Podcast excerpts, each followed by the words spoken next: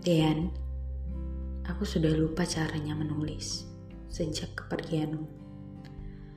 Objek yang aku jadikan cerita sudah pergi meninggal dunia. Bagaimana aku bisa bercerita jika begitu? Tiga tahun ya, Dean. Sudah tiga tahun.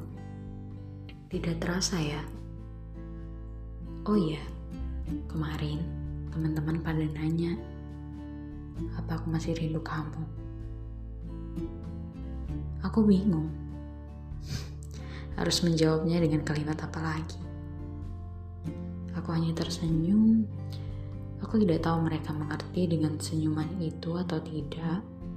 Aku tidak ingin terlalu mendramatisir keadaan. Masih aku tutup rapat, sekalipun aku rindu, sekalipun aku sedih.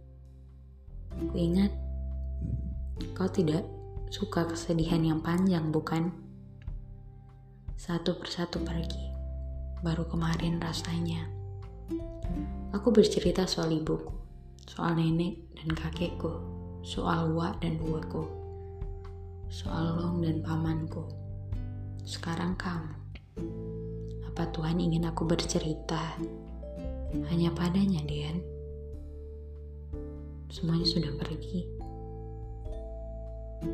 Apa maksud Tuhan begitu?